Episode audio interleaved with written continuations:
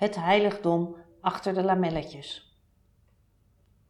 De wereld van de walrus was ook de wereld van kantoren. Mijn herinneringen aan de walrus zijn daarom ook herinneringen aan Nico, aan kantoortje spelen, zoals de walrus het noemde, aan mijn eerste keer op kantoor en aan de mannen van de oude garde, die kantoren hadden, kantoren hadden gehad of als zelfstandigen rondliepen tussen de kantoren. Iedereen in die wereld had meerdere namen. Dat hoorde erbij. Natuurlijk had dat een reden, maar het had ook iets kinderlijks. Alsof ze nog geen zin hadden om voor één naam te kiezen. Dat leek daar ook nog niet te hoeven.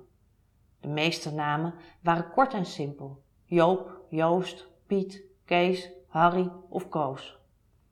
Sommigen zeiden iets over de persoon, zoals Zwarte Karel of Stampertje, die zo zenuwachtig was dat hij met zijn voet op de grond stamp als hij achter het bureau zat. De Marokkanen heten Pumu of Punt of Mo van Mohammed als ze geen puntmutsen bijnaam hadden. In de stad waren er een paar Mo's en één Moko, dat was Mohammed die via Grote Ko begonnen was, toen die laatste een secte oprichtte op een tropisch eiland. Af en toe gebruikten ze ook een gezamenlijke naam. Wanneer de walrus contact zocht met Pauli, waren ze meestal Eddy voor elkaar. Als Pauli dan belde, hoorde je: Ha, Eddy, hier Eddy. Hoe gaat het met jou, Eddy? Mij zou iedereen baby gaan noemen, of gewoon de blonde, maar baby vond ik mooier. Bo en José, hoorde ik van de walrus, waren begin jaren tachtig de eerste geweest met een echt kantoor in de stad. Het zat op de Keizersgracht. Zij hadden in die tijd ook restaurant De Clown in de Jodenbreestraat en dat was toen het centrum van de handel. Ook waren zij de eerste die struisvogelfilet verkochten. Daar gebeurde het, benadrukte de walrus enthousiast, telkens als hij erover vertelde. En dat was best vaak. Hij vond het heerlijk om over die tijd te praten. Vol bravoure beschreef hij ook dat hij van de politie een ladder had geleend toen hij de sleutel van zijn kantoor kwijt was. Ze hadden hem zelfs geholpen. Ze hielden de ladder vast, midden op de Prinsengracht, zodat hij op drie hoog het pand in kon klimmen. In die eerste jaren, de echte cowboytijd noemde hij het, waren er nog geen puntmutsen. De wiet kwam uit Zuid-Amerika en verder had je alleen de echte Libanon uit de Bekaa-vallei, citral en wat goede zwarte. Er werd alleen wat aan Duitsers verkocht. Met hem sprak je af in het AMC of in het VU ziekenhuis. Pas daarna waren er kleine partijtjes uit Marokko gekomen. Poeder, want de zeepen waren nog niet uitgevonden. Eerst kwam dat poeder in heel kleine hoeveelheden, 5 of 10 kilo, verstopt in de koffer van een neefje of in een partij garnalen of sinaasappels. Vervolgens waren de walrus en anderen van de oude garde zelf naar Marokko gegaan om uit te leggen wat voor spul ze wilden hebben. Toen kwamen de paprika's. Die heten zo omdat ze er zo uitzagen. De blokken hash waren ingesnoerd met cellotape. Die paprika's gingen de eerste jaren per 4 kilo naar Engeland in het gastankje van een gewone auto. De tank was gesplitst, één deel voor gas en één voor paprika's. Maar al snel werden de paprika's vervangen door zeepen en met de zeepenhandel was het pas echt begonnen. De handel werd groot met hulp van de transportbedrijven. Die waren toen ook in opkomst. Soms ging het fout omdat je niet je eigen pelletje met zeep kreeg, maar de zeep van een ander. Dan moest je je opzien te sporen en stond je langs de kant van de snelweg handel te wisselen, grinnikte de walrus. In die tijd waren al die lui van de oude garde kantoren begonnen. Pluis begonnen Joopjes en ook de Brothers zetten hun eerste stappen. Louis, Hendrik en Peter Paaltje. Die hielden kantoor in een bankgebouw met een kaartenbak voor de boekhouding. De walrus zelf werd Nico. Eerst alleen en later met broer Konijn. Eerst dus op de Prinsengracht en later in een zijstraat van de Singel. Ik herinner me mijn eerste middag op kantoor. De walrus had me uitgelegd dat ik gewoon kon aanbellen. Bij nummer 9H, de H van hash. Hi, piepte ik door de intercom. Kom maar naar boven. Ik herkende de stem van de walrus. De avond daarvoor hadden we er in het zomerhuis een discussie over gehad, omdat het mij best gevaarlijk leek om op zo'n kantoor te zijn. Op de grote rode sofa, die keer met een flink stuk bank tussen ons in, had ik me afgevraagd wat ik zou moeten doen als er iets zou gebeuren, bijvoorbeeld een politieinval, net op het moment dat ik er was. Ik zou niet weten wat ik zou moeten zeggen en vooral wat ik niet zou moeten zeggen. Politie zou wellicht denken dat ik iets met de handel te maken had, dat ik ook op het kantoor werkte. De walrus had hartelijk gelachen. Jij denkt aan Klaas, maar wij zijn Klaas niet. Er gebeurt echt niets. Zwijgend en wantrouwend was ik hem aan blijven kijken. Klaas. Ja, natuurlijk dacht ik aan Klaas. Van Klaas had ik wel gehoord, want iedereen had van Klaas gehoord. De dominee was een paar jaar daarvoor in Barretje Hilton vermoord. Dat had uitgebreid in de krant gestaan. Drie keurig gestoffeerde trappen. 9H was aan de rechterkant. Het geklik van zeker drie zware sloten, snel daarna ging de deur open. Hoi, kom verder, zei een mollige jonge man met vrolijke blonde krullen. En vanuit een andere ruimte hoorde ik de walrus. Zij hoeft niet achter, ze mag meteen doorlopen. Ik liep met de jongen mee, via een smalle keuken met aan weerszijden koelkasten. En zo kwamen we een grote, langwerpige kamer binnen. Voor de ramen hingen dichtgedraaide donkerbruine lamellen en tussen de kozijnen was een aantal koperkleurige schemerlampen geplaatst. Helemaal aan het einde van de kamer zat de walrus, in een enorme zwarte bureaustoel. Die stoel was zo groot dat er aan weerszijden van hem nog een stukje over was. En druk gebaren makend wipte hij erin op en neer. Schuin voor hem stond een stijlvol houten bureau, waar aan de andere kant ervan wat kleinere stoelen waren geplaatst. In een van die stoelen zat een man met kort bruin haar met zijn rug naar mij toe. Toen ik binnenkwam, keek hij even om. Rechts bij het raam stond een tweede, minder opvallend bureau. Daar was een jongen druk bezig om rollen papier in stukken te knippen. Cadeaupapier leek me. Hij stak vriendelijk zijn hand op. Hi, Dirk. Terwijl ik naar het grote bureau liep, sprong de walrus op. Welkom in mijn heiligdom. En tegen de jonge man die de deur voor mij had opengedaan. Kijk Tom, dit is er. En voortaan geldt, zij mag altijd doorlopen. Ga zitten. Hij haastte zich om een stapel verhuisdozen van een stoel te verwijderen. Mijn tas zette ik naast me neer. De studieboeken zonken ver weg in het tapijt. Ik ben even druk, maar Dirk gaat een drankje voor je halen, zodat je lekker op je gemakje wat kan drinken. En ik zal je even voorstellen. Dit is Jaap.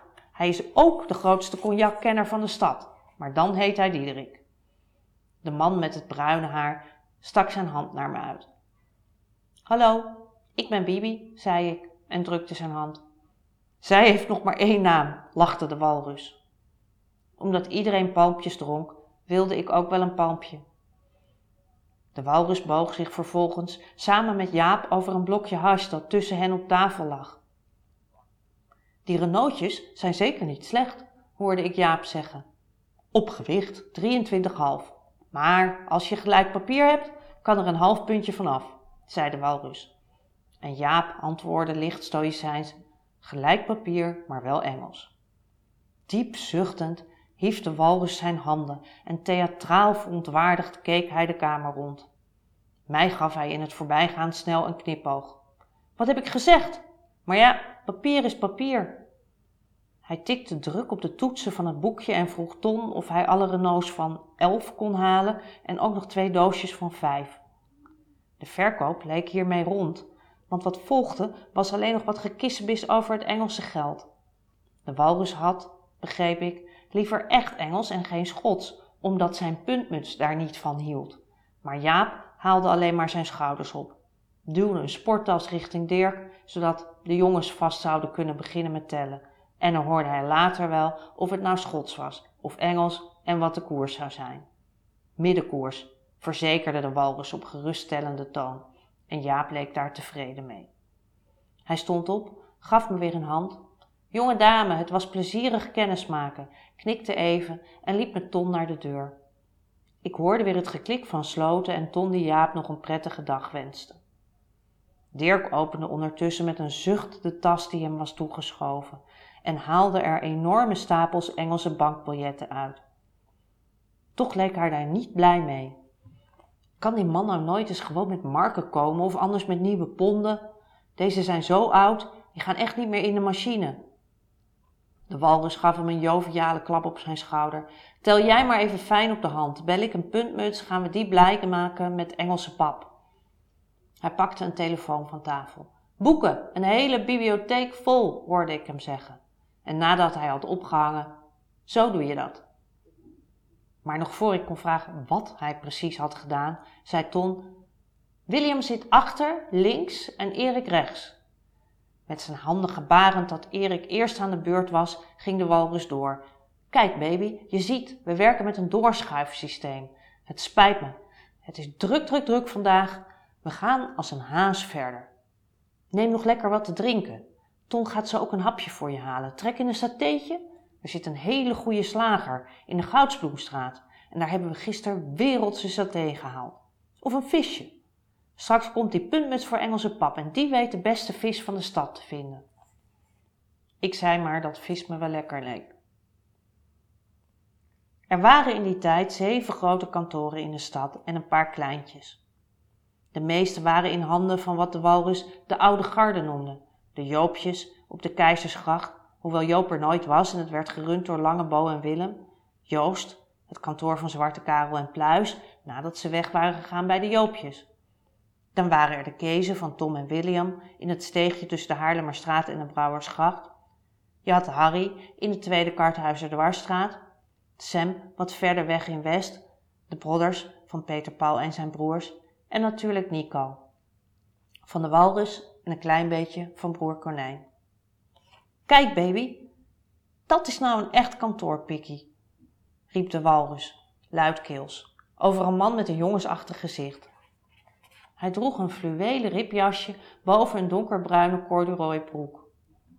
Erik, vertelde de walrus omstandig, had eerst voor de Bronners gewerkt, was eventjes een van de Joopjes geweest, daarna samen met Tom van de Harry's de Keesjes geworden en nu was hij zelfstandige. Oh ja, en hij was natuurlijk ook een keer gestopt met de handel, maar iedereen die stopt mist de handel en iedereen die niet stopt wil stoppen. That's the story of our lives. Erik beaamde de uitgebreide introductie met wat verlegen knikjes, waarmee hij zich tegelijkertijd aan mij voorstelde. Handen wit, zo zouden de walrus en ik hem op een gegeven moment gaan noemen, omdat hij mij zo deed denken aan Handen Wit gaat in ontwikkelingshulp van heren Heresma. Erik wilde vervolgens op uiterst serieuze toon van de walrus weten of er misschien kamelen en Franse kranten waren. De walrus was heel even stil. Hij keek bijna betuust. Na een diepe zucht en wat weemoedig geschud met zijn hoofd, zei hij dat er in de hele stad geen kameel te vinden was. Om daarna drie, zo op het oog niet heel verschillende blokjes hash uit de la van het grote bureau tevoorschijn te toveren en die voor Erik op tafel uit te stallen. Met zijn vinger wees hij één voor één die blokjes aan. Ik heb wel prima diamantjes. Anders ook nog mooie Renaultjes, best aardige blanco's en ze zijn allemaal op gewicht. De diamantjes voor 23 en de blanco's en de Renaultjes doen 22,5.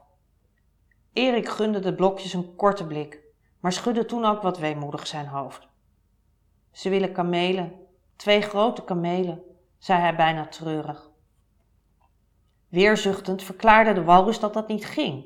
Met grote gebaren legde hij uit dat als hij eraan kon komen, het hooguit twee, drie doosjes zouden zijn. Erik bleef zwijgen. Hij leek niet geïnteresseerd in de producten op het bureau. Uiteindelijk beloofde de walrus om in de loop van de middag voor de zekerheid wat belletjes te plegen, want je kon het natuurlijk nooit helemaal zeker weten en misschien dat er buiten de stad nog kamelen te vinden waren. Maar, ging hij opgetogen verder, we hebben wel kranten, originele kranten. En alleen voor jou een puntje goedkoper dan je ze in de hele stad zult vinden.